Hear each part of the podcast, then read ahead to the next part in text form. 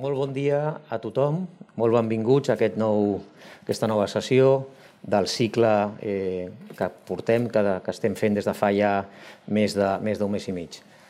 Un altre, un altre dia molt agraïts als socis del Cercle d'Economia que ens esteu seguint per streaming i demanar-vos disculpes un dia més, a veure si a les properes setmanes o mesos ja ens podem retrobar personalment i, y fe la vida social que a tots ens agrada fer també dintre de, del cercle d'economia. Bien, eh, bienvenidos eh, a, a los invitados, a los ponentes, como digo, en esta nueva sesión del ciclo España, en el contexto geopolítico de la pospandemia, eh, comisionado por nuestro compañero de Junta, eh, Miguel Trías. Durante este ciclo hemos tenido la oportunidad de escuchar y debatir sobre algunos de los problemas seculares de España, algunos de los problemas históricos que tiene nuestro país, su baja productividad, la necesaria reforma de las administraciones públicas, el modelo territorial, también sobre las consecuencias de esta crisis sanitaria, social y económica, la segunda crisis en únicamente 12 años o la tercera crisis en Cataluña si le sumamos la territorial. Nunca tantas crisis a la vez probablemente en los últimos 80 años. También de las oportunidades que nos vienen de Europa.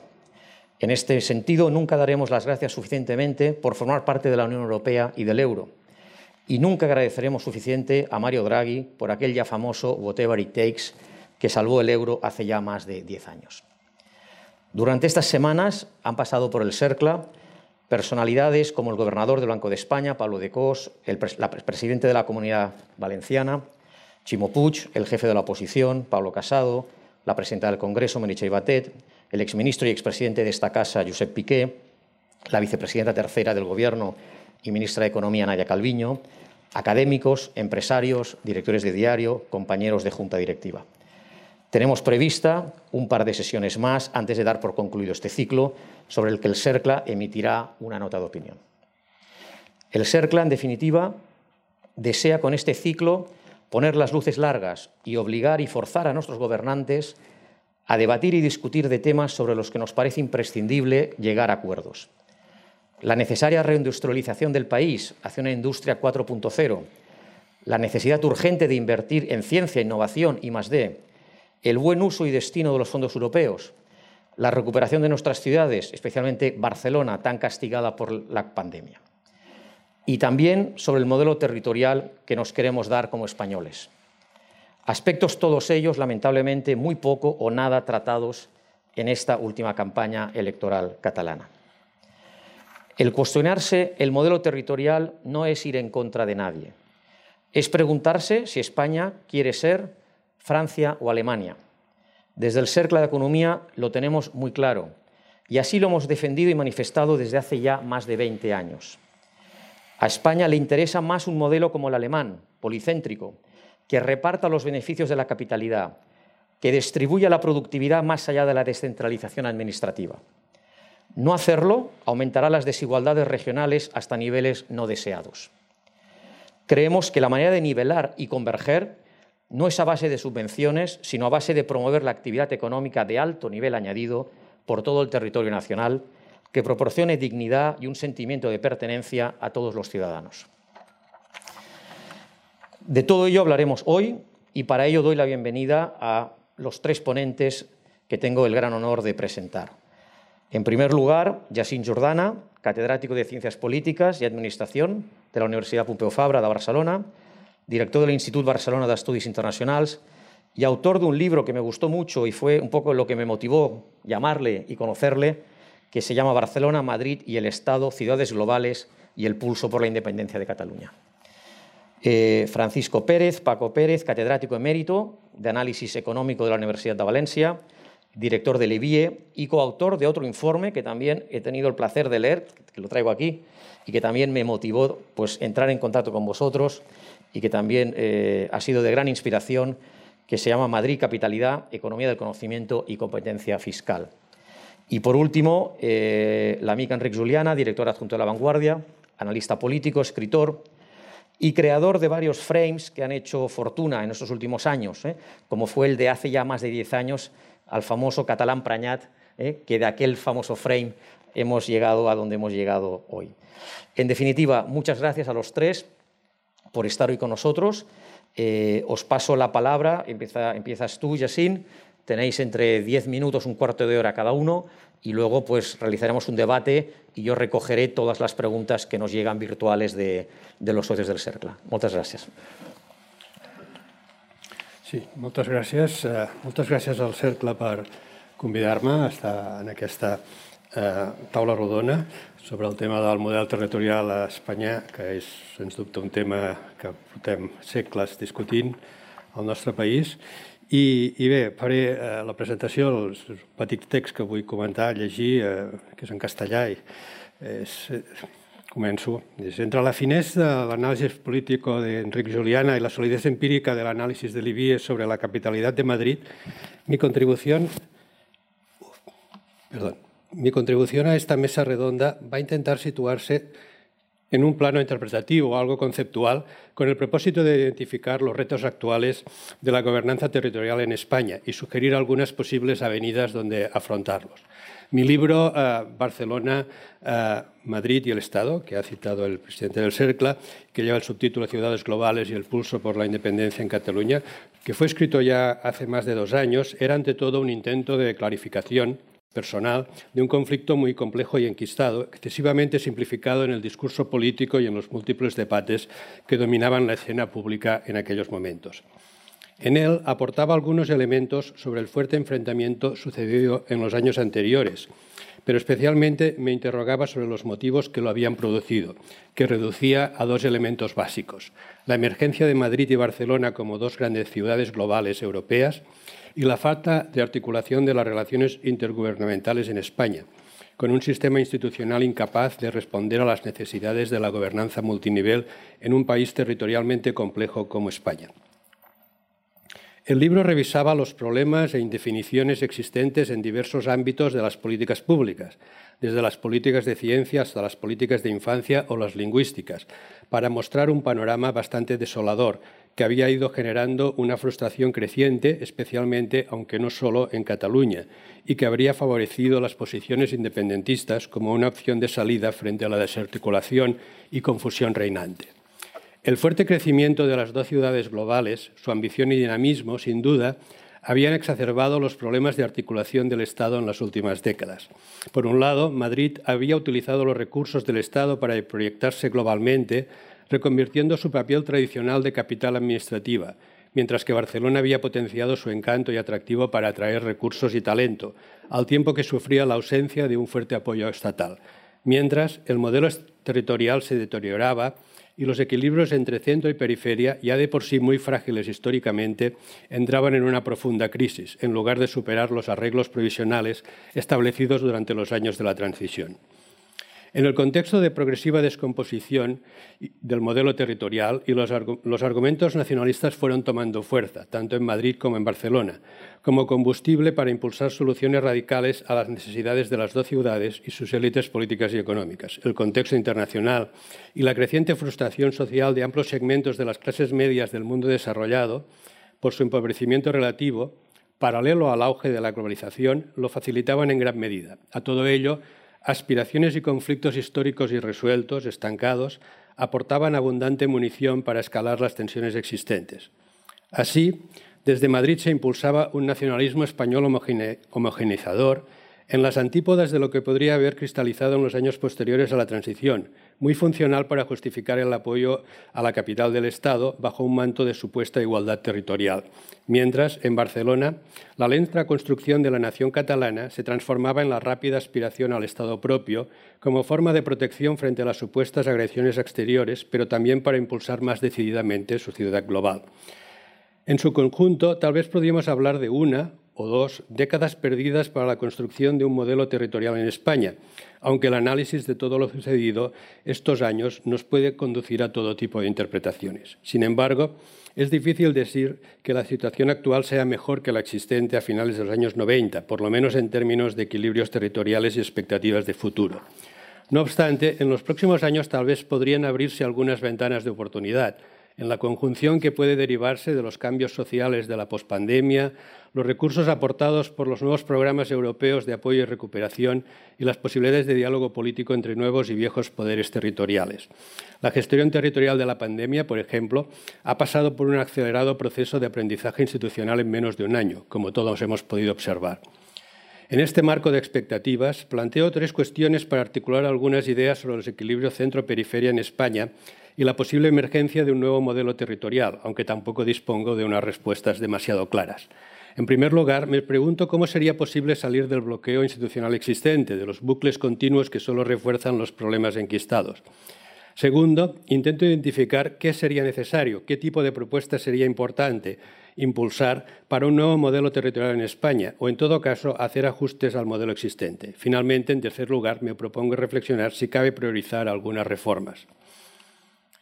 Durante muchos años se han enfrentado en España dos concepciones estatales distintas. Por un lado, el Estado imperial, donde una élite o una capital dirige una organización estatal sobre un territorio del que extraen recursos, una tesis que, eh, he leído en el reciente libro de José María Colomé y, y al que ofrecen estabilidad y paz con todas las oportunidades que se derivan de ello. Y por otro lado, el Estado-comunidad o el Estado-ciudad, cuya capacidad de acción y protección es limitada, pero configura una fuerte cohesión e identidad. No obstante, de ninguno de ellos fructificó un modelo de Estado nacional homogéneo. Se trata de un tema muy estudiado y no es necesario abundar mucho más en él. Aunque construir la nación fue una aspiración constante a lo largo de los últimos siglos en España, este ideal nunca se completó plenamente y ello tiene un fuerte impacto en el modelo territorial y sus proyecciones futuras. El ideal de Estado nacional homogéneo sigue estando presente y sus referentes europeos son eh, muy abundantes. Cualquier nuevo, nuevo abordaje para transformar el modelo territorial español debería tener en cuenta esta tensión entre la deriva imperial y la tradición local y la imposibilidad de construir un Estado-nación homogéneo. Ahí posiblemente esté la clave del bloqueo constitucional, por ejemplo y sin una mayor conciencia de ello entre las élites políticas, administrativas y económicas del país, es difícil proyectar un nuevo modelo territorial. Por otra parte, transformar los arcaísmos del modelo de Estado-comunidad tampoco es una acción simple. Implica asumir con una cierta madurez que los Estados son, ante todo, aparatos de poder y dominación, aunque puedan estar controlados y aprisionados por comunidades cívicas empoderadas. Esta situación hace muy difícil hacer reformas territoriales en España, especialmente si se combina con la interdependencia entre distintos tipos de problemas que existen, que anulan las posibilidades de cambio en algunas direcciones concretas y bloquean las posibles salidas. Sin esta interdependencia, tal vez la reforma del modelo territorial podría empezar mediante una suma de reformas sectoriales que ayuden a articular y definir mejor las relaciones intergubernamentales, clarificando responsabilidades y poderes, y dejando para una segunda fase las reformas institucionales más profundas. No, obstante, aspectos como la concentración territorial del Estado o la centralización del sistema de partidos hacen que las reformas territoriales sectoriales sean, en general, poco creíbles. A lo largo de la década pasada, la crisis económica y la crisis territorial llevaron a una crisis constitucional, como sugiere eh, Ignacio Sánchez Cuenca, y difícilmente podían realizarse reformas profundas en aquel contexto.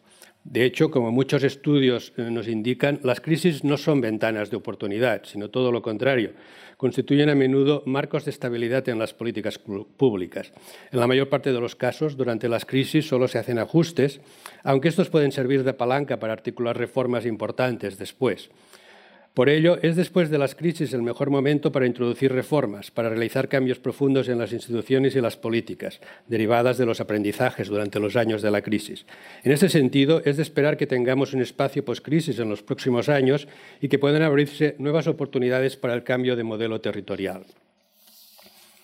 El sistema institucional que rige el modelo territorial en la actualidad, la ambigua Constitución Territorial del 78 y sus ajustes e interpretaciones, muestra un bajo rendimiento, especialmente para gestionar políticas complejas de carácter multinivel, y presenta unas fuertes dificultades de transformación, con una baja credibilidad de las expectativas de reforma, que acaban otorgando al ámbito judicial la capacidad de dirección sobre la evolución del sistema. Las dinámicas de descentralización han sido competitivas y jerárquicas, con un estado de partidos que ha ido oscilando entre mayorías absolutas y coaliciones parlamentarias pero sin un modelo territorial compartido entre todos los actores implicados en el juego político. Hay una cierta dinámica informal basada en continuos acuerdos y equilibrios entre partidos a distintos niveles para el acceso a las decisiones importantes, pero no existen mecanismos políticos de resolución de conflictos interterritoriales que funcionen adecuadamente, ni formas de coordinación entre las comunidades autónomas al margen del Estado central. Las conferencias multisectoriales apenas funcionan y las reuniones de comunidades autónomas sin presencia del Estado central son casi un tabú. ¿Qué pasaría si se organizara una reunión informal de todos los presidentes de las comunidades autónomas sin la presencia de representantes del Estado, como ocurre de forma habitual en Alemania? ¿Qué problemas debería afrontar y potencialmente resolver un nuevo modelo territorial en España? Difícil decir algo nuevo al respecto después de tantos debates, estudios y reflexiones. Tampoco lo pretendo. En las últimas décadas, el modelo territorial en España se ha orientado hacia la descentralización administrativa, aunque manteniendo la fuerte institucionalización de las entidades territoriales. Sin duda, mucho más inspirado en el modelo francés de descentralización territorial que en el modelo de federalismo cooperativo alemán. Obviamente, este modelo era compatible con la estrategia de convertir Madrid en una gran capital global y evitaba poner en cuestión elementos clave del apoyo estatal a este propósito, como la concentración regulatoria, la centralización administrativa, la flexibilidad fiscal o el diseño radial de las infraestructuras. Sin embargo, si queremos un nuevo modelo, habrá que volver a poner estos temas sobre la mesa y, sin querer ser exhaustivo, me permite señalar algunos retos, todos ellos con implicaciones para la articulación de un modelo territorial. Es una larga lista, sin duda, desde los arreglos constitucionales, la desconcentración de la Administración General del Estado, el reconocimiento de la pluralidad nacional y lingüística en España, la revisión del modelo de descentralización fiscal, el fortalecimiento de las instituciones reguladoras, la reforma de la administración local y el marco provincial, la modernización de los sistemas de acceso, promoción, autonomía de gestión en las administraciones públicas o la impulso a la evaluación y el análisis de políticas públicas. Muchos temas y sin duda muchos más que se podrían mencionar de reformas pendientes en la España actual y que eh, frente a los cuales se plantea la cuestión de por dónde empezar, hasta qué punto las interdependencias entre todos estos temas pueden llevar al fracaso de cualquier intento de reforma en particular que se quiera eh, llevar a cabo. Eh, y ya una, quiero acompañar ya o finalizar con una, reflexión final sobre si es posible pensar en estrategias o prioridades de reforma en este contexto donde el cual tampoco eh, presento soluciones, sino solo problemas. ¿no? Y, quería plantear una reflexión que viene de un libro que leí hace algún tiempo sobre, de Eugenio Trías sobre Cataluña Ciudad, que se ha reeditado recientemente, donde eh, plantea unas tesis inspiradas en pensadores clásicos eh, como Eugenio Dors, donde habla eh, la idea, es un libro de los años 70, ¿no? reeditado recientemente, donde habla de la Cataluña como la ciudad sin Estado, que genera un nacionalismo local basado en la sociedad civil. Y lo, y lo confronta frente a un Estado sin ciudad, eh, España, que genera un nacionalismo retórico, imperial, sin sociedad civil, un modelo que, encajaba bien seguramente en la España y en el Madrid de antes y después de la Guerra Civil. No obstante, en las últimas décadas, esta sugerente dicotomía que produjo muchas reflexiones provocadoras en su tiempo, incluyendo, influyendo la famosa idea de la conllevancia orteguiana, eh, posiblemente ha perdido completamente su vigencia en la España actual. Eh, no es posible negar que hoy en día Cataluña ha desarrollado una cierta capacidad institucional importante con las instituciones de la Generalitat, mientras que tampoco puede negarse la emergencia de una sociedad civil en el conjunto de España y en Madrid en particular. Eh, muchos matices podrían aportarse a estas comparaciones. No obstante, mi propósito es solo señalar eh, que esta dicotomía hoy en día es mucho menos clara y en ambos casos el cosmopolitismo vinculado a la globalización ha ido, ganando espacios en las dos ciudades. En este sentido, hay muchos elementos en común y en las últimas décadas han surgido eh, eh, algunas líneas de tensión, como competencia entre ciudades globales a nivel europeo o global, pero también la posibilidad de elementos de, cooperación entre las ciudades, entre las grandes ciudades globales, en muchos ámbitos donde hay elementos que pueden eh, aprovecharse para impulsar estas colaboraciones o también en compartir áreas económicas de interés común e influencia común. En este sentido, tal vez sea posible acordar agendas comunes sobre el modelo territorial y la reforma del Estado en muchos puntos que requieren de reformas importantes, aunque reconociendo las tensiones y desavenencias existentes. Como ya he señalado, la principal dificultad para reformar el modelo territorial posiblemente sea la fuerte interdependencia entre todo tipo de problemas que encontramos en España, que se cortocircuitan unos a otros. Sin embargo, como más esfuerzos se hagan para ser afrontados de forma separada, con actores distintos y ritmos diferentes en cada caso, tal vez sea posible que algunas reformas avancen, facilitando el camino a otras para que sean más difíciles de conseguir separarlas y que requieran negociaciones y debates más complejos. Además, hay que tener presente que las ventanas de oportunidad para hacer cambios son distintas en cada problema y es importante aprovecharlas cuando sea posible, ya que suelen persistir durante periodos cortos y son bastante impredecibles. Cataluña, en este modelo de transformación territorial, tiene dos singularidades, en mi opinión, a negociar y defender, su identidad nacional y su ciudad global, Barcelona, pero difícilmente puede ser la gran impulsora de una transformación de las estructuras territoriales en España, en la dirección de una federalización del país. Tal vez, pero eh, sin duda lo puede apoyar en lo posible, pero no tiene sentido que lo impulse y lo intente liderar unas reformas después de tantos fracasos a lo largo de muchas décadas o incluso siglos, como bien nos ilustró José Antonio González Casanova hace ya muchos años. La relación bilateral con el Estado debería eh, concentrarse en resolver, mediante acuerdos políticos a largo plazo, sus problemas específicos o, por lo menos, facilitar la emergencia de espacios para que sean más eh, eh, manejables. También debe ocuparse a fondo de su propia transformación. Más exigir una modernización del Estado español y la reforma de su administración, sin duda necesaria, debería también impulsar prioritariamente la propia modernización de sus instituciones y administraciones públicas y afrontar sus propios desequilibrios territoriales. Muchas gracias por su atención. Muchas gracias, eh, Jacint. Pues li passem la paraula a Paco Pérez. Molt bon dia. Moltes gràcies per convidar-me a participar en aquest eh, debat al Cercle d'Economia és una satisfacció. Gràcies per la presentació, president. Eh, participo en un ciclo cuya perspectiva eh, destaca elementos que comparto muy claramente. ¿no? Eh, subrayo dos. Nuestra administración pública está llena de ineficiencias y el modelo territorial está desajustado. Y ambas cosas están contribuyendo a que padezcamos más las amenazas de los múltiples cambios en curso y desaprovechemos más las oportunidades. Un Estado compuesto como el español no puede funcionar bien si, como sucede, el encaje de sus niveles de gobierno es inadecuado. Eh, y llevamos demasiado tiempo así y parece que nunca es el momento de abordar eh, el fondo de la cuestión. Y sobre todo sucede esto en la última década y tampoco está claro que se vea la necesidad ahora, ¿no? cuando la respuesta a la pandemia subraya la importancia de atender a reformas eh, para que la salida de la crisis sea más prometedora. Y aquí seguimos enredados en mil batallas, ¿no? pero la procrastinación es peligrosa porque puede llegar a ser explosiva. Yo creo que en el tema territorial eh, ha llegado a ser explosiva. ¿no? Y sin embargo, las propuestas escasean y, aunque los problemas son muy graves, las respuestas eh, se repiten en esa misma dirección. La semana pasada tuve la impresión de que, de nuevo, a una pregunta eh, en esta sala a la ministra Calviño, eh, se dijo, bueno, es que el problema es muy difícil. Bueno, es muy difícil, sí, pero también es muy importante. ¿no? Y si, siendo muy importante, no se aborda, esto tiene consecuencias. Y debo decir que en, este, en esta situación yo he hecho, creo que no soy el único, ¿no? he hecho en falta el impulso propositivo y la inteligencia modernizadora catalana en el debate público español sobre, sobre muchos temas. Eh, pero Cataluña lleva años en otra cosa, apostando por vías unilaterales en un mundo en el que las interdependencias son más intensas, más que nunca.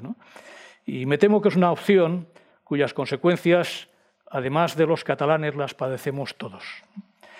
Pero concretemos. Miren, yo voy a intentar defender esta mañana aquí dos tesis, eh, referidas a que eh, la insuficiencia del modelo territorial no se limita al mal funcionamiento de la financiación autonómica, tiene mucho más alcance. La primera es que el funcionamiento real del modelo de Estado descentralizado está lejos del equilibrio que entiendo que persigue la Constitución entre autonomía de los territorios e igualdad de oportunidades en el acceso a los servicios públicos al menos los fundamentales. Para algunos falta autonomía y para otros falta solidaridad y sobran privilegios, eh, pero la suma de ambas percepciones hace que el modelo autonómico vaya perdiendo adeptos, eh, pese a ser la opción que todavía concita más preferencias. Y tras esa falta de equilibrio, segunda tesis, están las asimetrías que benefician a dos grandes, dos grandes centros del poder político y económico en nuestro país, que son Madrid y el País Vasco. Eh, la naturaleza de las asimetrías es distinta, pero tienen un elemento común. El sector público actúa en ellas como una palanca más potente que en el resto de los territorios, aglomerando actividad de riqueza y contribuyendo a una dinámica divergente entre de las rentas regionales y también contribuyendo a la desafección del modelo territorial. Antes de justificar estas tesis, quisiera hacer tres consideraciones previas muy rápidamente. Mi, punto de vista es, evidentemente, el de un ciudadano que comparte la aspiración constitucional de hacer compatible el reconocimiento de la diversidad con la igualdad de oportunidades en el acceso a los servicios públicos, ya lo dije antes. Eh, y desde la perspectiva eh, constitucional, el gran instrumento es eh, la comunidad autónoma, las comunidades autónomas y su articulación. Y quiero subrayar que no todos los estados descentralizados tienen los mismos objetivos de solidaridad interterritorial, pero en España la descentralización se hizo con el compromiso de buscar ese equilibrio. Eh, pues bien, eh, la igualdad de oportunidades solo es compatible con una profunda autonomía si cuenta con instrumentos de nivelación potentes, que no es uno, son tres. Eh, y en los tres hay problemas. Desde luego, el primero es necesario nivelar los recursos de las comunidades autónomas porque de ellas depende la prestación de servicios públicos fundamentales de los que depende la igualdad de oportunidades. Pero también la gestión de la Administración central ha de ser reequilibradora, no desequilibradora, como desde mi punto de vista es. Y en tercer lugar, como hay tendencias a la aglomeración de actividad que favorecen la divergencia, las políticas de desarrollo regional han de tener potencia financiera y orientación eficaz para combatir esas divergencias de renta que generan las economías de aglomeración. Entonces, en cuanto a la primera tesis, ¿por qué hablo de descentralización incompleta y desequilibrada? Pues bueno, sobre el papel, eh, en los últimos 40 años hemos avanzado mucho en descentralización. ¿no? Disponemos de un marco normativo general que perfila eh, una amplia descentralización del poder y la gestión y el gasto público, configurando un escenario que desde algunas perspectivas podría considerarse cuasi federal. Pero la descentralización cojea del lado de los ingresos y presenta importantes carencias en, lo que se refiere a la autonomía tributaria. Eh, en parte eh, esos problemas se derivan de que hay una dificultad en cuanto a cómo se hace funcionar un Estado descentralizado en lo fiscal cuando hay diferencias de capacidad fiscal muy importantes, y también de la negativa europea a permitir que las comunidades tengan capacidad normativa en la imposición indirecta. Pero también eh, se deriva de la fuerte resistencia de los partidos que podríamos llamar nacionales, del gobierno central y de las élites funcionariales de la capital a compartir el poder tributario, a compartirlo de manera equilibrada, como refleja la gestión de la crisis anterior y el gobierno y la dirección de la Agencia eh, Estatal de Administración Tributaria. Porque hay que decirlo, ¿no? yo creo que los datos muestran, la experiencia muestra que eh, este poder ha sido utilizado de forma no neutral por la Administración Central, que ha protegido, por ejemplo, financieramente más las funciones del Estado de Bienestar que dependen de la seguridad social, que las no menos importantes relacionadas con la educación y sanidad, que dependen de las comunidades autónomas. Y se ha apropiado de la recaudación derivada de la subida del IVA y de los impuestos especiales para poder financiar este criterio de mantenimiento asimétrico de las funciones del Estado de Bienestar. Y esto ha supuesto para las comunidades, está estimado con eh, mucho rigor, ¿no? unos 70.000 millones de euros eh, en la última década. Eh, pero hay más, ¿no? porque ha mantenido a las comunidades autónomas muy alejadas de la dirección de la Agencia Estatal de Administración Tributaria, de una agencia que debería responder a que es eh, agencia de dos principales, de, la misión central y de las comunidades autónomas, a las que debería servir eh, con eh, una atención y un reconocimiento de su presencia en sus órganos de dirección acorde con la importancia que tiene cada una de ellas. Y por último, la, Administración Central no ha promovido la transparencia necesaria para construir una cultura de la lealtad federal entre los gobiernos. Al contrario, no ha explicado cómo distribuye los objetivos de déficit entre administraciones, preservándose una parte del mismo mucho mayor de lo que representa su peso en el gasto público. No ha explicado por qué se apropiaba de la totalidad del rendimiento de la subida de los impuestos indirectos a los que me he referido, eh, o por qué manejaba unilateralmente la tesorería, que es de todos, como un arma de condicionalidad extrema y amenazadora, como sigue haciendo, por cierto, durante estos últimos meses. La segunda tesis tiene que ver con las asimetrías que digo benefician fundamentalmente a dos eh, centros económicos y de poder. Eh, y que provocan que las divergencias territoriales, que tienen su propia dinámica, en lugar de, controlarse, se amplíen. Eh, existen tres importantes asimetrías que cuestionan la neutralidad territorial del sector público en España. La primera es Madrid. Madrid es diferente. La gestión de las competencias de la Administración Central es centralista, concentra extraordinariamente su presencia y su gasto en Madrid y favorece la aglomeración de actividad pública y privada en la capital y facilita la competencia fiscal de la comunidad autónoma de Madrid. La segunda asimetría es la foralidad, porque ofrece ventajas claras a territorios con elevada renta y capacidad fiscal que no contribuyen a los flujos de solidaridad interterritorial. Eh, el, el cupo es una broma, porque contempla como objetivos de la solidaridad cosas que dejan fuera la educación y la sanidad. Eh, si el cálculo del coeficiente por el que se paga el cupo incluyera esto, los resultados serían muy distintos.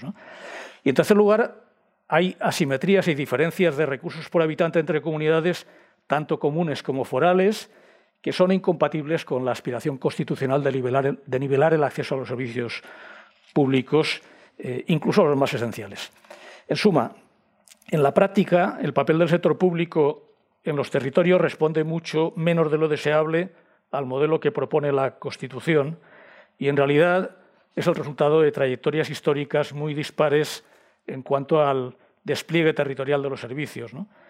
La descentralización ha hecho más transparentes las debilidades, pero no las ha corregido. Y eso tiene consecuencias. Destacaré tres. La primera, me parece muy importante, es que en España no hay un estado de bienestar, hay varios. ¿Por qué? Porque el despliegue de los servicios es distinto y no es la consecuencia de que existan ámbitos de autonomía donde se decide de forma diferente, que por supuesto es lo que eh, responde al modelo que queremos tener. No, no, es consecuencia de que los recursos son demasiado distintos.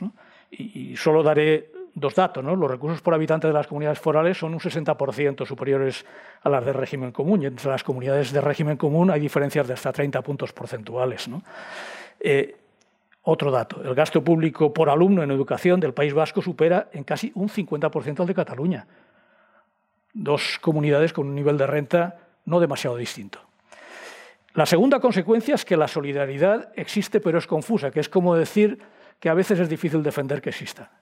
¿Y, por qué? Porque las desigualdades de recursos de las comunidades no responden ni a la capacidad fiscal ni a las necesidades. Y, y, los resultados son situaciones absurdas. ¿no? De nuevo, dos ejemplos. En primer lugar, eh, si consideramos el llamado criterio de, ordinalidad, lo que encontramos es que no se cumple, que hay regiones pobres que cuentan con más recursos que otras con mayor capacidad fiscal. Es decir, esto es como si la renta disponible después de pagar impuestos de un contribuyente con alto nivel de renta resultara menor que la de uno pobre. y el otro ejemplo, los saldos fiscales regionales. Bueno, existen comunidades ricas que tienen un saldo fiscal positivo, que reciben las forales, y comunidades como la valenciana, que tiene 12 puntos por debajo de la media en renta per cápita, que contribuye. Y la tercera consecuencia es que el gobierno refuerza con una dinámica que es polarizadora el poder y la actividad económica en Madrid, centralizando el sector público estatal en la capital innecesariamente porque hay muchas actividades que serían descentralizables y no lo son. Claro, la referencia alemana que antes se hacía es completamente distinta desde este punto de vista.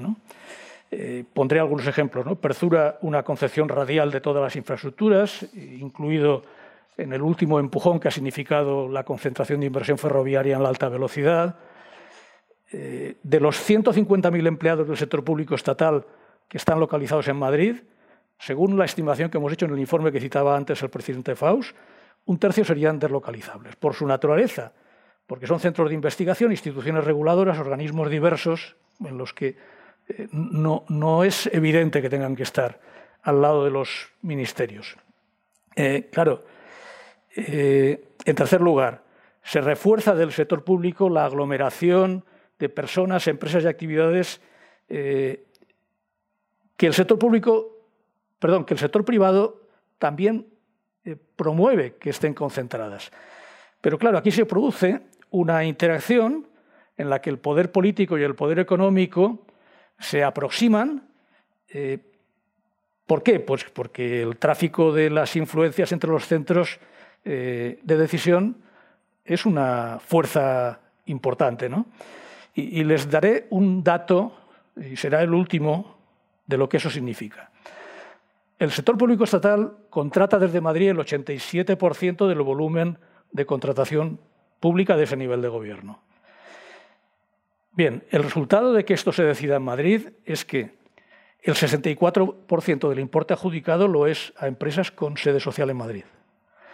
Eh, la participación frente a ese 64%, la participación de las empresas catalanas es el 5,7% y la de las valencianas el 3%. Bueno, no abordar las asimetrías señaladas eh, desde que se completó el proceso de traspasos a principios del siglo XXI, hace que la dinámica centro-periferia resulte más polarizadora, es decir, más centro, y para las, periferias resulta más difícil responder a los retos del momento, que son muchos. Eh, las oportunidades asociadas a las nuevas tecnologías, la economía del conocimiento, la globalización, se concentran en Madrid y también en el País Vasco, las dos comunidades que comparten las ventajas que he señalado. Es decir, el sector público contribuye a esa dinámica y, contribuye además porque el aplazamiento de las reformas necesarias para limitar sus efectos sobre la eficiencia y la equidad hace que el cambio no llegue. ¿Y estas reformas cuáles serían en el ámbito económico? Pues la lista es larga, ¿no? Desde luego, aprobar un modelo de financiación que no tenga los defectos del actual, pero también revisar las ventajas financieras de las comunidades forales y también rediseñar el Fondo de Compensación Interterritorial para sustituirlo por una política de desarrollo regional que tenga la potencia y la orientación suficiente. El Fondo de, desarrollo, el Fondo de Compensación Interterritorial son en estos momentos 450 millones de euros. Es una risa. En cuarto lugar, impulsar la descentralización del sector público estatal para que deje de bombear recursos hacia Madrid que podrían dinamizar otros territorios. Quinto, priorizar de una vez por todas el despliegue, un despliegue de las infraestructuras que esté ligado a las necesidades de la población y de la actividad económica y, no a los criterios radiales tradicionales. Eh, sexto, limitar el potencial de atracción de bases fiscales de la Comunidad de Madrid, no porque la autonomía eh, sea mala en este sentido, sino porque su política se apoya en ventajas que le otorga su condición de capital del Estado y de cómo el sector público estatal se comporta. Es decir, no, se toman esas decisiones de manera en un entorno neutral. Y por último, gestionar las funciones de coordinación de la misión central en la política fiscal y financiera con un espíritu más federal y menos centralista, que es como ha sido hasta ahora. Eh, y acabo. Dice la introducción a este ciclo que todo proyecto político debe realizar una propuesta de futuro que se enmarque en las coordinadas geopolíticas que se van dibujando para el contexto de la pospandemia. ¿no? Puedo estar más de acuerdo. Desde mi punto de vista, a nivel europeo, la respuesta más inteligente a las múltiples interdependencias en las que hemos de vivir es asumir una soberanía compartida. Y la traslación de ese mismo criterio, en el caso español, es que la mejor opción para España sigue siendo el equilibrio buscado por la Constitución entre autonomía y solidaridad, del que estamos lejos. Pero conservar ese marco normativo no es lo mismo que petrificar su concreción y las prácticas de las últimas décadas. Hacen falta reformas, hacen falta muchas reformas en temas muy importantes. Sin reformas, las tensiones territoriales consumen esfuerzos de los gobiernos que deberían dedicarse a tareas modernizadoras, tan necesarias en, el escenario actual. ¿Por qué? Porque, entre otras cosas, las administraciones tienen mucho que mejorar en sus propios ámbitos de gestión de los servicios públicos, la sanidad, la formación, eh, la inclusión social, la digitalización, la regulación, la lucha contra el cambio climático. En todo esto estamos lejos de estar a la altura de los desafíos. Y desde esta perspectiva, en la última década ha sido, insisto en ello, muy negativo para España que Cataluña haya pasado de ser promotora de una descentralización modernizadora a defender el unilateralismo y la independencia. El resultado hasta ahora es que Cataluña se perjudica y nos perjudica a muchos, porque no contribuye a desbloquear las asimetrías comentadas y sí el aumento de las pulsiones centralistas. Ojalá vuelva a apostar por el multilateralismo y las periferias tengan una nueva oportunidad de configurar una España más diversa y también más equilibrada. Para mí sería lo deseable y, querría que fuera posible, ¿no? pero ¿Por qué? Porque creo que las ganancias potenciales de abordar los cambios son mayores que los costes. Pero claro, hay un problema ¿no? Eh, que lo hace menos probable, y es que los beneficios se observarían a medio plazo y los costes se pasarían al cobro a corto. Y dada la oleada de confrontación que lo inunda todo, pues los horizontes de la política solo parecen contemplar el corto plazo. Esto hace más relevante que la sociedad civil promueva otras visiones diferentes. Y desde luego, claro, eh, hace más relevante que algunas fuerzas políticas apuesten por ellas. ¿no? Bueno, pues habrá que seguir trabajando en madurarlas ¿no? y cruzar los dedos para que más pronto que tarde emerjan liderazgos y alianzas que contemplen esos horizontes más amplios, menos dependientes de mantener el poder y más preocupados por las necesidades de la sociedad. Muchas gracias. Pues muchísimas gracias, eh, Paco. Creo que seguro que, habrán muchas preguntas de los socios eh, por tu intervención, que, el CERCLA pues, eh, comparte, como sabes, en, muchos, en muchas propuestas.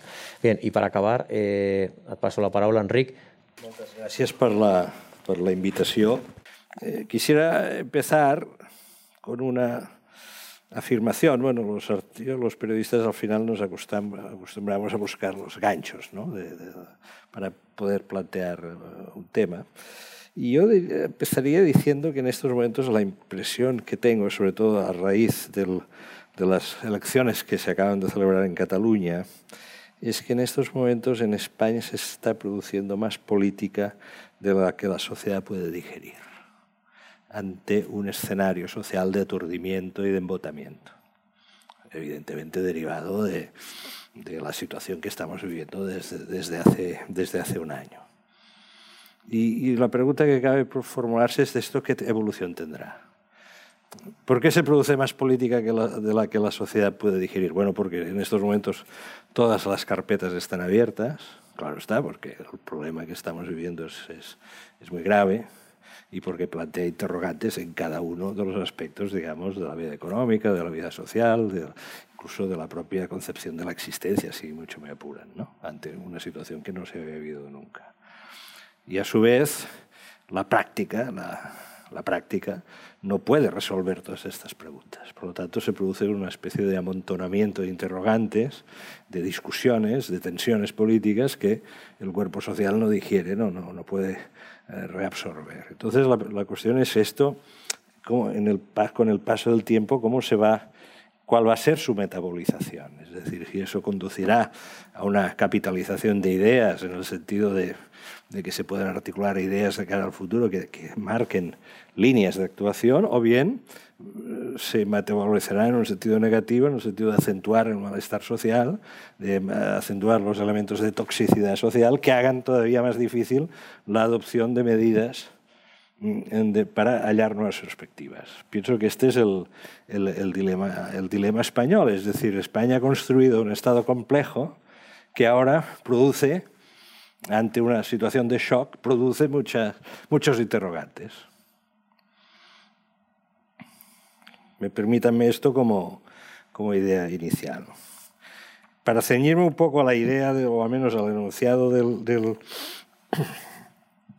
coloquio, es decir, España en el momento geopolítico, sin ánimo de ser exhaustivo en absoluto, diría que habrá que prestar atención en los próximos tiempos a tres realidades, Italia, Norte de África y Francia.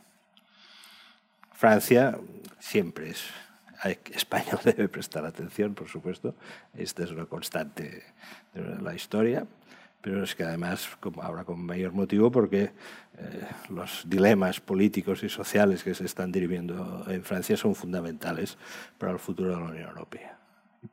Y, y la manera como se resuelvan o como se vayan mm, dirimiendo tendrán, como han tenido siempre, pueden tener una fuerte una profunda influencia en los acontecimientos españoles, aunque no se traduzcan de una forma, digamos, eh, automática o directa, pero siempre el influjo de la, de la crisis social francesa, de las crisis políticas francesas, eh, tiene una enorme influencia entre nosotros. Y la cuestión de Francia está en interrogantes.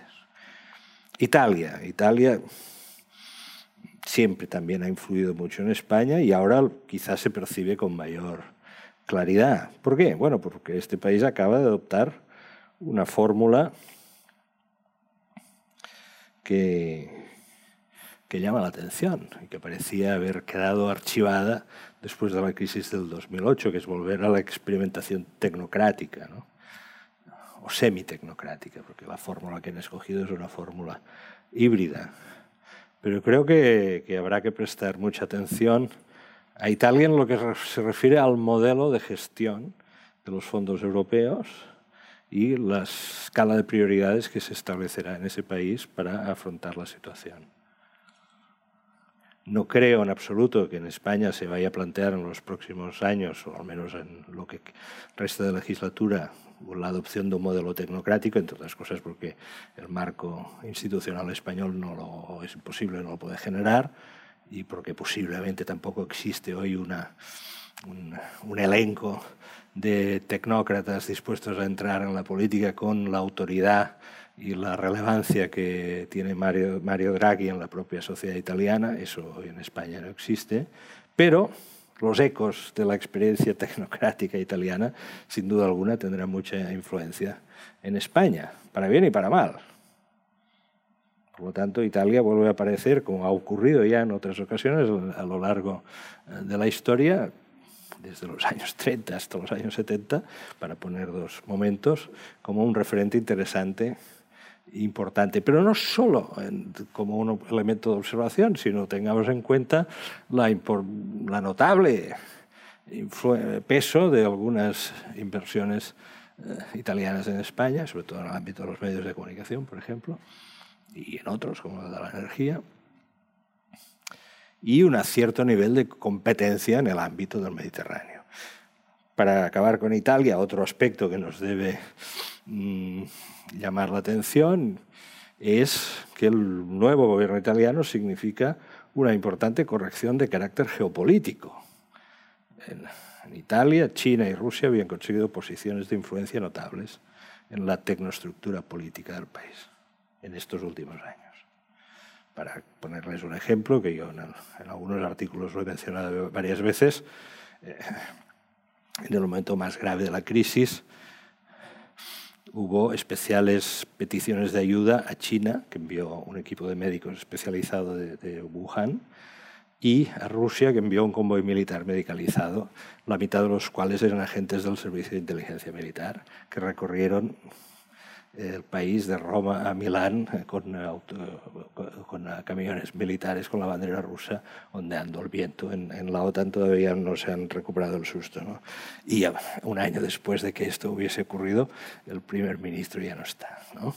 Es decir, el nuevo gobierno italiano va a efectuar una, una corrección de rumbo en este sentido. No, no quiero ahora entrar en consideraciones de tipo... Eh, conspirativo, es decir, de que Conte ha caído porque invitó a los rusos, pero me parece bastante claro y además el propio eh, primer ministro Draghi, pues, una de las primeras cosas que ha expresado es de que, uno de los objetivos del nuevo gobierno es garantizar la lealtad atlantista de Italia. Esto también es, es conveniente tenerlo en cuenta. Y después, el norte de África. El norte de África por razones obvias, pero además porque eh, la evolución de Marruecos en estos próximos años es fundamental para España. Después de los movimientos que se produjeron en, el último, en los últimos segundos de la presidencia Trump, porque la situación de Argelia es muy complicada por dentro y porque la dialéctica Marruecos-Argelia puede volver a ser muy complicada. Y una prueba de ello es en estos momentos, por ejemplo, pues, eh, qué va a hacer el gobierno con la OPA del Fondo Australiano de Pensiones sobre Naturgy, atendiendo que puede considerarse de que esta OPA podría dejar en manos de fondos eh, eh, de inversión extranjeros, ajenos a la Unión Europea además, la gestión del gasoducto que conecta España, eh, perdón, Argelia con España y del cual depende el suministro de la mitad del gas que se consume en España. Yo, yo creo que estos son marcos que conviene tener en cuenta. ¿no? En el ámbito interior, lo fundamental es las vacunaciones y la expectativa real que ellas pueden generar en cuanto a la salida de la epidemia, algo a lo cual en estos momentos nadie todavía en el mundo puede dar una respuesta taxativa. Parece que sí, los, los, los resultados son buenos, pero aún no hay una certeza de cuál es el nivel de perdurabilidad de los efectos de las vacunas, es decir, si entramos en una fase en la que la población tendrá que estar sometida a un proceso de, de, vacunación, digamos, periódico ante la aparición de nuevas variantes de los virus, etcétera, etcétera.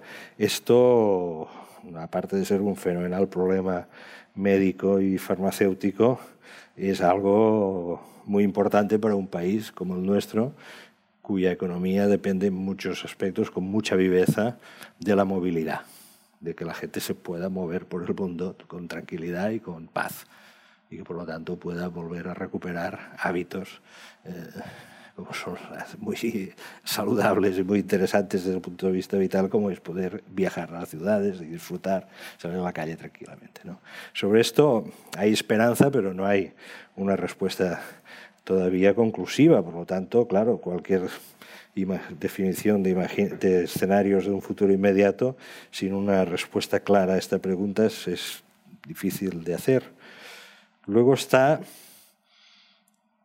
la cuestión clave de los fondos europeos, que pienso que, que en estos momentos estamos en un momento delicado, en el, en el, sentido siguiente.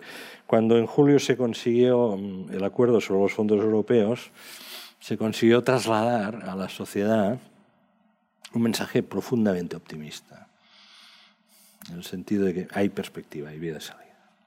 Lo estamos pasando mal, lo seguiremos pasando muy mal, pero vamos a tener unas inyecciones de recursos que nos van a permitir recuperarnos. Por lo tanto, podemos aguantar con la moral un poco alta todo lo que nos toca vivir. ¿no? Y esto nos explica el cuadro del, del verano, ese cuadro poco de, de trampantojo, ¿no? ¿Eh? en el que todo parecía volver a querer florecer, luego pasó lo que pasó, es decir, que se intentó florecer demasiado y luego hubo las recaídas de octubre, noviembre, el, de nuevo el intento de levantar cabeza en, en, en Navidad y de nuevo la, la, recaída que ahora hemos conseguido más o menos frenar, es decir, todos estos ciclos que lo que han producido es un enorme cansancio social psicológico. De nuevo, las elecciones catalanas creo que también son reflejo de eso. Claro, entonces ahora yo creo que sobre los fondos europeos que generaron en julio una especie de percepción miracolista, ¿eh? es decir, milagro, ¿eh? tenemos la solución, ahora hay un espeso banco, de niebla, porque en realidad creo que el gobierno no ha hecho, en mi opinión, una labor pedagógica adecuada sobre lo que esto supone y cómo esto se va a gestionar, cuáles son los objetivos y cuáles son sus complejidades, que las hay son muchas. De entrada, el propio reglamento, yo he hablado con personas expertas de derecho comunitario que me dicen que es muy complicado de interpretar. ¿no? Bueno, porque es una, es una realidad complicada, verdaderamente, pero ahí, ahí, yo creo que en estos momentos el relato sobre, sobre los fondos europeos está paralizado en el enunciado inicial. No hay un desarrollo. No hay un desarrollo.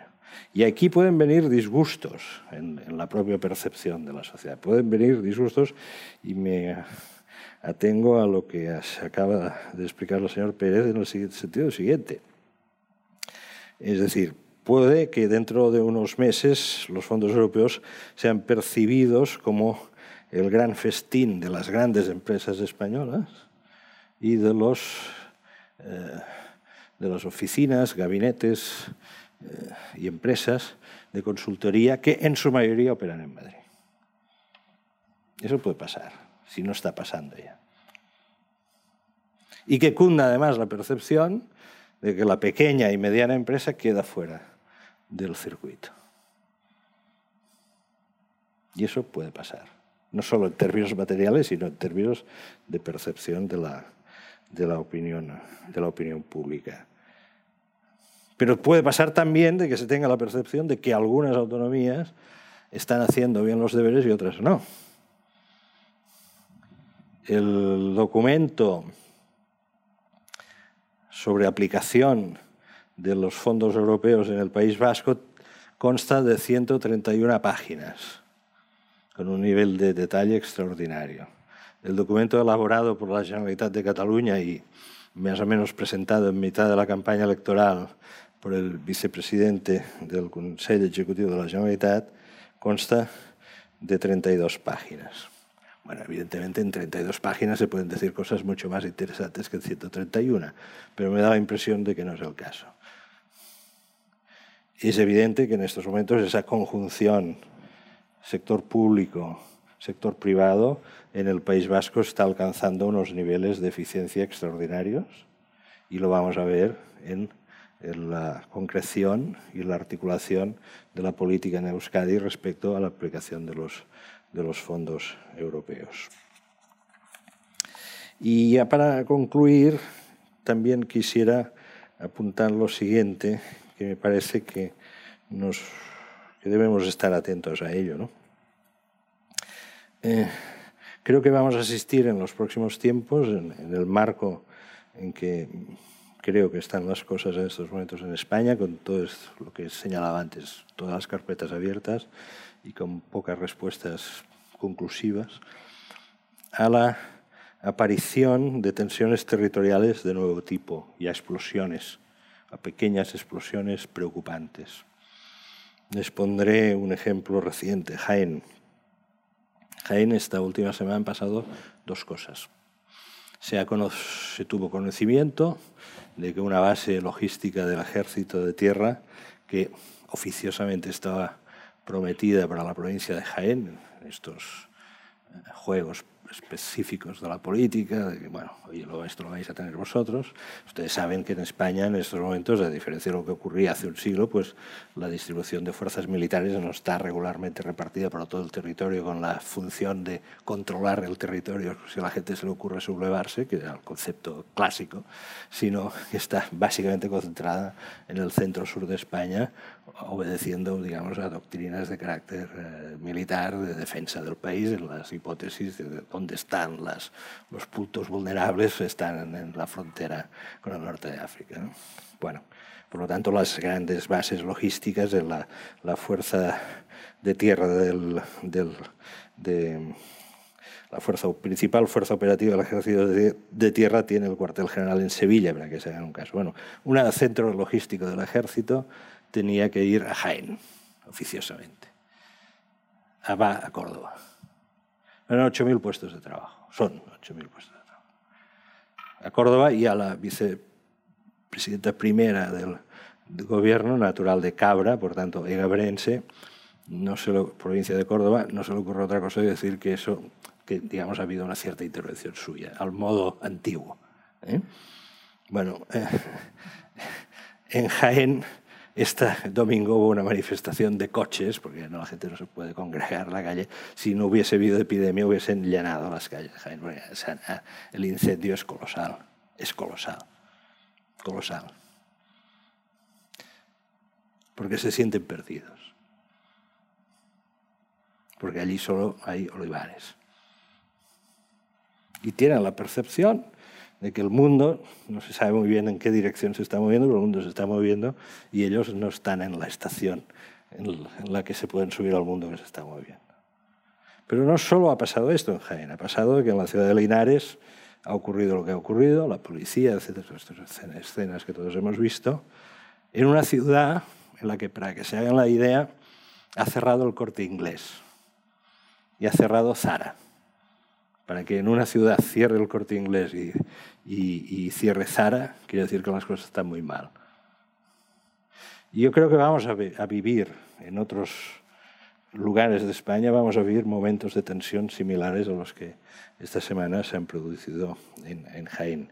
Les pondré otro ejemplo. En este caso no ha habido ni manifestaciones ni, ni, ni afortunadamente incidentes, pero sí una, un nerviosismo visible muy, muy grande. Y tiene que ver con Valencia, tiene que ver con Cataluña y tiene que ver también con Andalucía. El corredor mediterráneo fue presentado. El corredor mediterráneo es una gran proeza de los valencianos. Básicamente fueron los que empujaron fuerte. Nosotros, los catalanes, un poco detrás, pero fueron los valencianos. Cuando se consiguió que entrase en el mapa europeo de prioridades,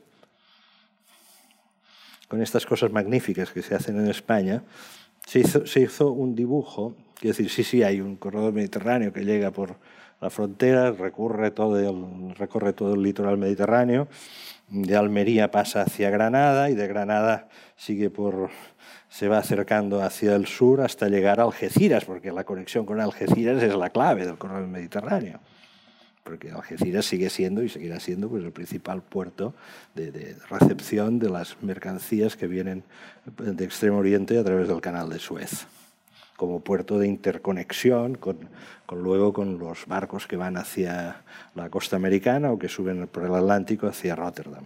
Pero luego apareció otro ramal que iba de Algeciras a Madrid, Zaragoza, Barcelona, frontera.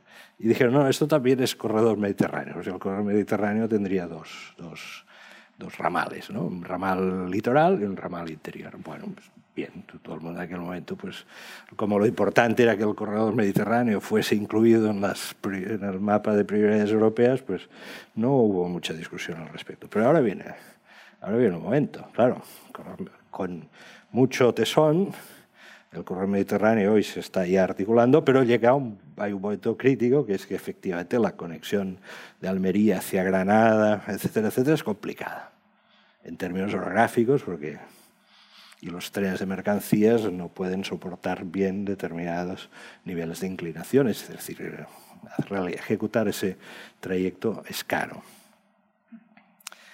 Y a su vez se está acelerando la idea de conectar Algeciras ya con Córdoba y de a partir de aquí hacia Madrid para arriba. ¿no?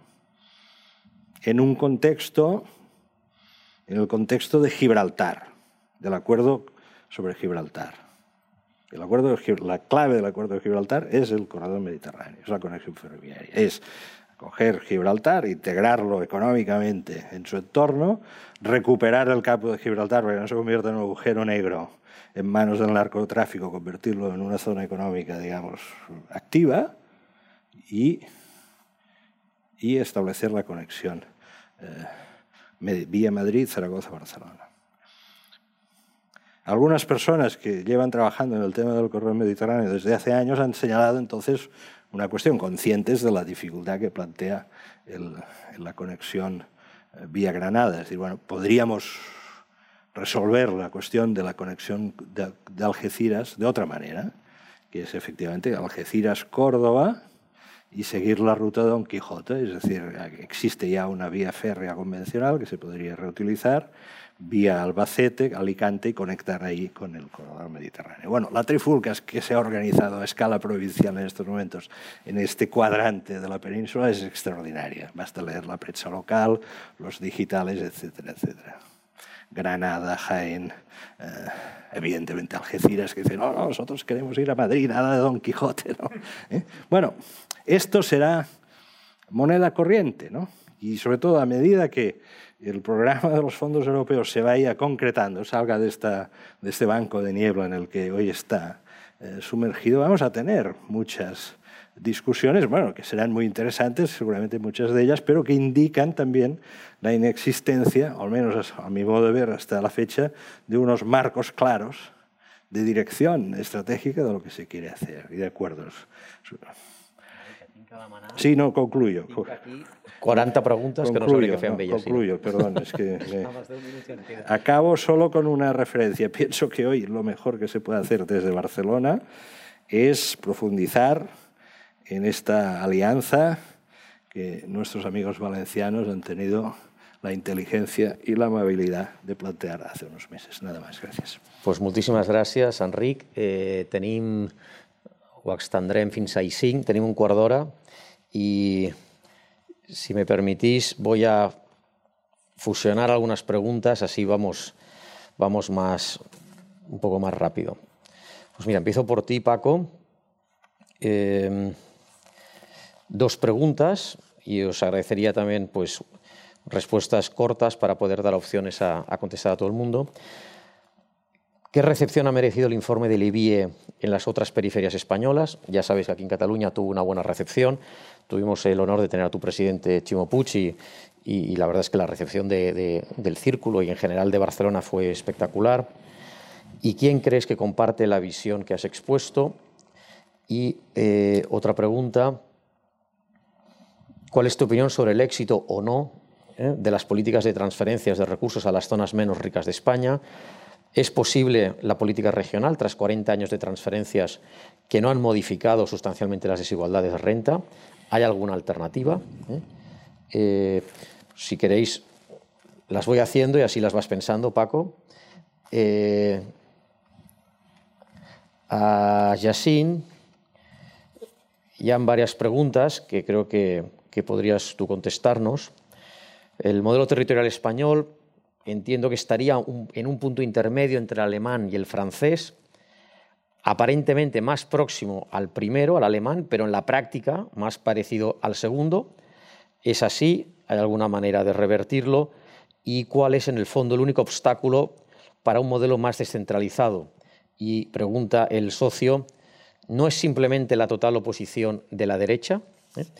Eh, este mismo socio hace una pregunta más técnica, si alguno de vosotros eh, la quiere contestar, si no, se lo pasaríamos a nuestra experta en financiación autonómica, que es la catedrática Teresa García Milá, cuál es la comparación exacta de, la financiación de las comunidades entre las comunidades españolas y los landers alemanes.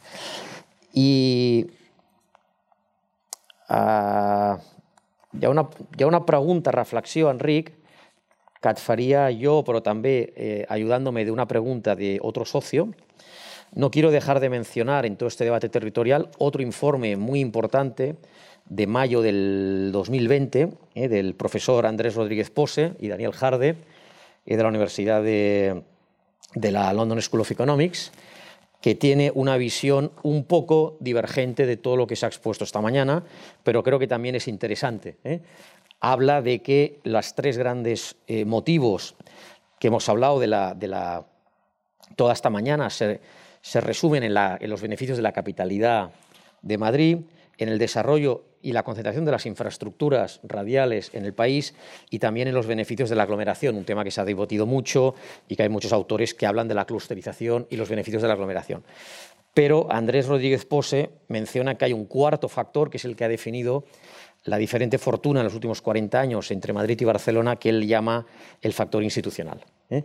Factor institucional entiendo que también se está refiriendo a factor político institucional y él dice que en los últimos 40 años, traduzco del inglés, eh, una sociedad crecientemente dividida en Barcelona, en sus aspectos sociales, políticos y económicos, con unas líneas identitarias eh, ha llevado a, una, eh, a pérdidas de confianza entre los diferentes grupos que ha limitado su capacidad de, eh, interactuar entre los diferentes grupos y esto le hace que esté perdiendo un poco de, fuerza social y económica.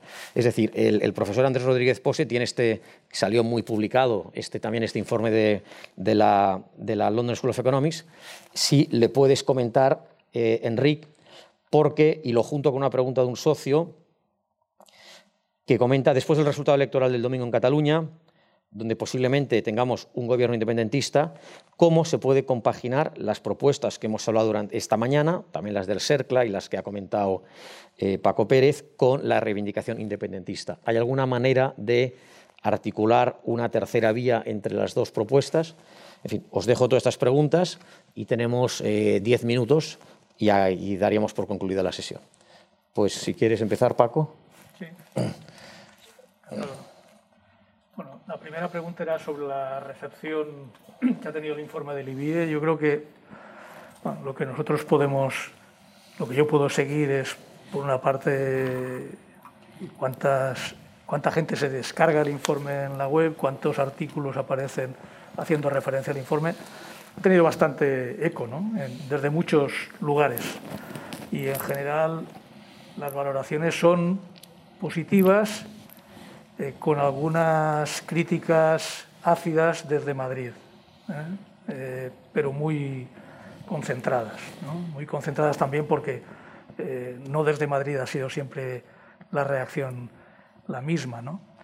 esto es una cosa distinta de saber bueno, el tipo de planteamientos a los que apunta el informe, que yo creo que intenta ser, bueno, creo no, intenta ser equilibrado en cuanto al reconocimiento que hay una parte de la potencia de Madrid que tiene su propia dinámica y lo que advertimos es que viene reforzada por actuaciones del sector público que no son neutrales. ¿no? Pero, eh, ¿qué, ¿qué tipo de apoyos podría recibir una iniciativa en el plano político que dijera, en España se hizo una importante descentralización eh, a través del Estado de las autonomías, pero también se puede plantear otro debate que es la descentralización de la Administración central en aquello en lo que eh, se pueda producir con argumentos sólidos.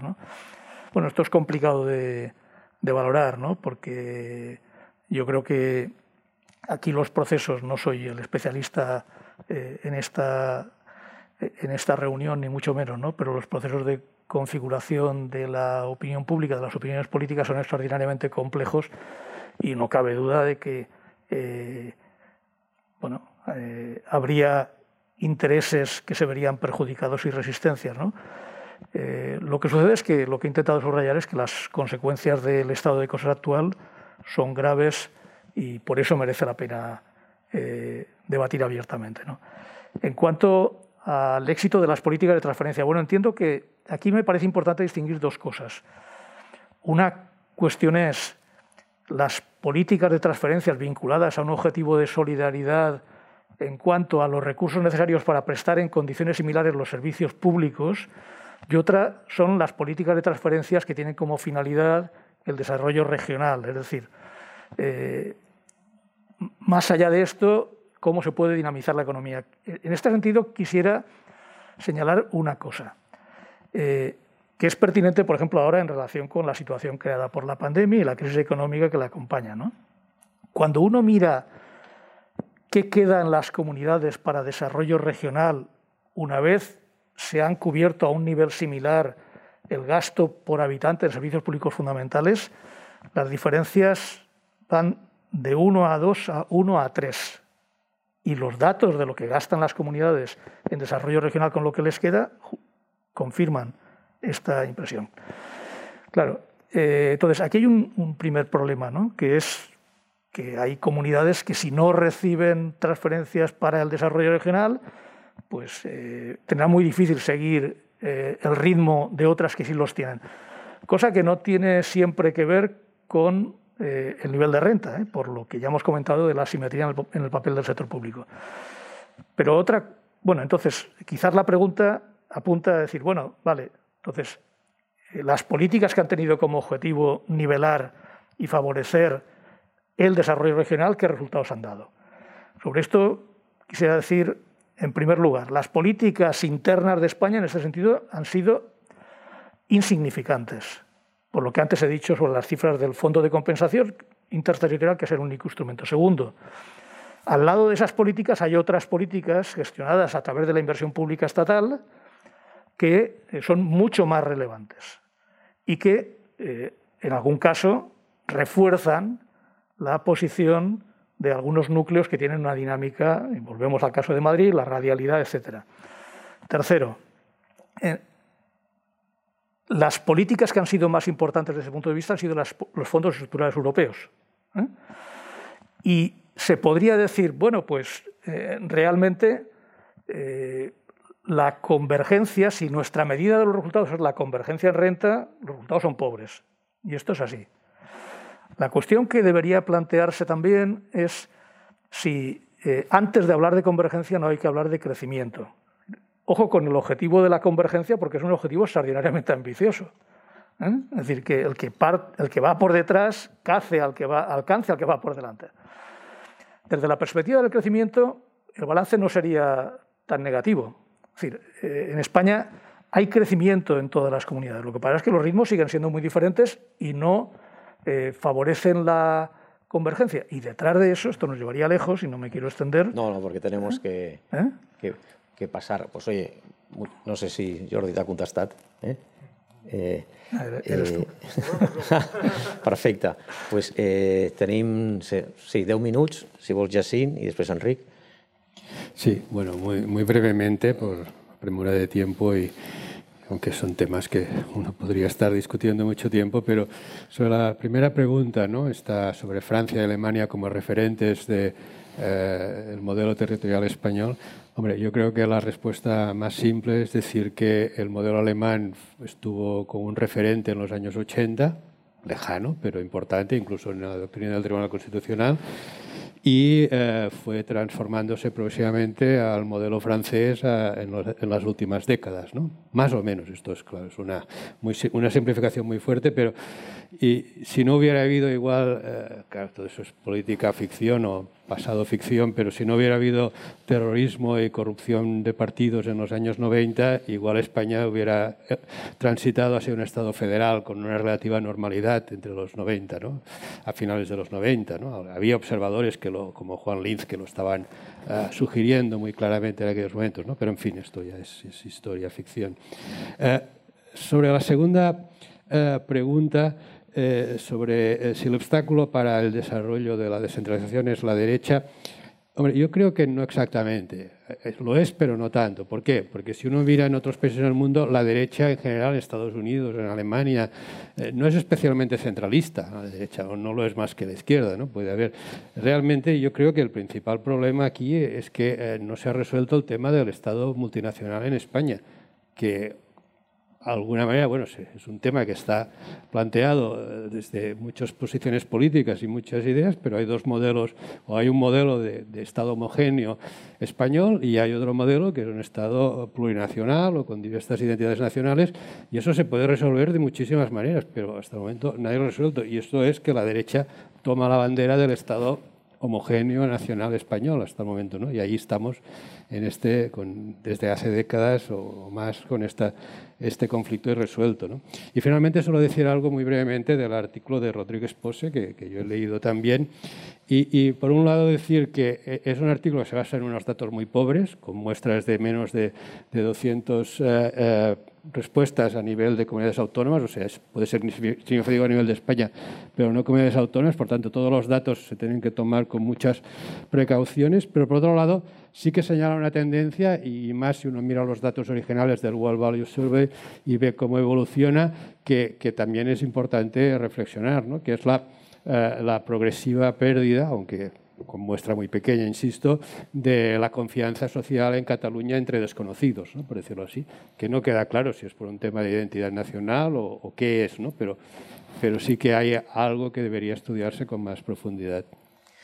Pues muchas gracias. Curiosamente, en Estados Unidos la derecha es, es, es la menos centralista, ¿no? es el anti-Washington. Anti sí, sí. O sea, que, que, que, es una. Probablemente el tema derecha-izquierda no es el que refleje bien lo que está pasando en España. Eh, Enric, muy rápidamente, no, respecto a la pregunta que se ha planteado. Claro, a ver, en Madrid hace unos meses se destrozó a martillazos la lápida de que en una calle la dedicaba a Francisco Largo Caballero, ministro de la República, y preso en un campo de concentración nazi al acabar la Guerra Civil Española. Y se ha pretendido, ahora está detenido por orden judicial, eh, eliminar el nombre de la calle dedicada a Indalecio Prieto, que fue el hombre que intentó restaurar la monarquía en 1946, es decir, el pionero de la legitimación de la monarquía por parte del, Partido Socialista. ¿no? Eh, esto ha ocurrido en Madrid. entonces, cualquier tesis que se base en una especie de ventaja diferencial de Madrid en cuanto a una mayor paz eh, civil me parece bastante discutible, francamente. Es decir, los niveles de antagonismo político, ideológico que en estos momentos existen en la ciudad de Madrid, en la región de Madrid, son extraordinarios.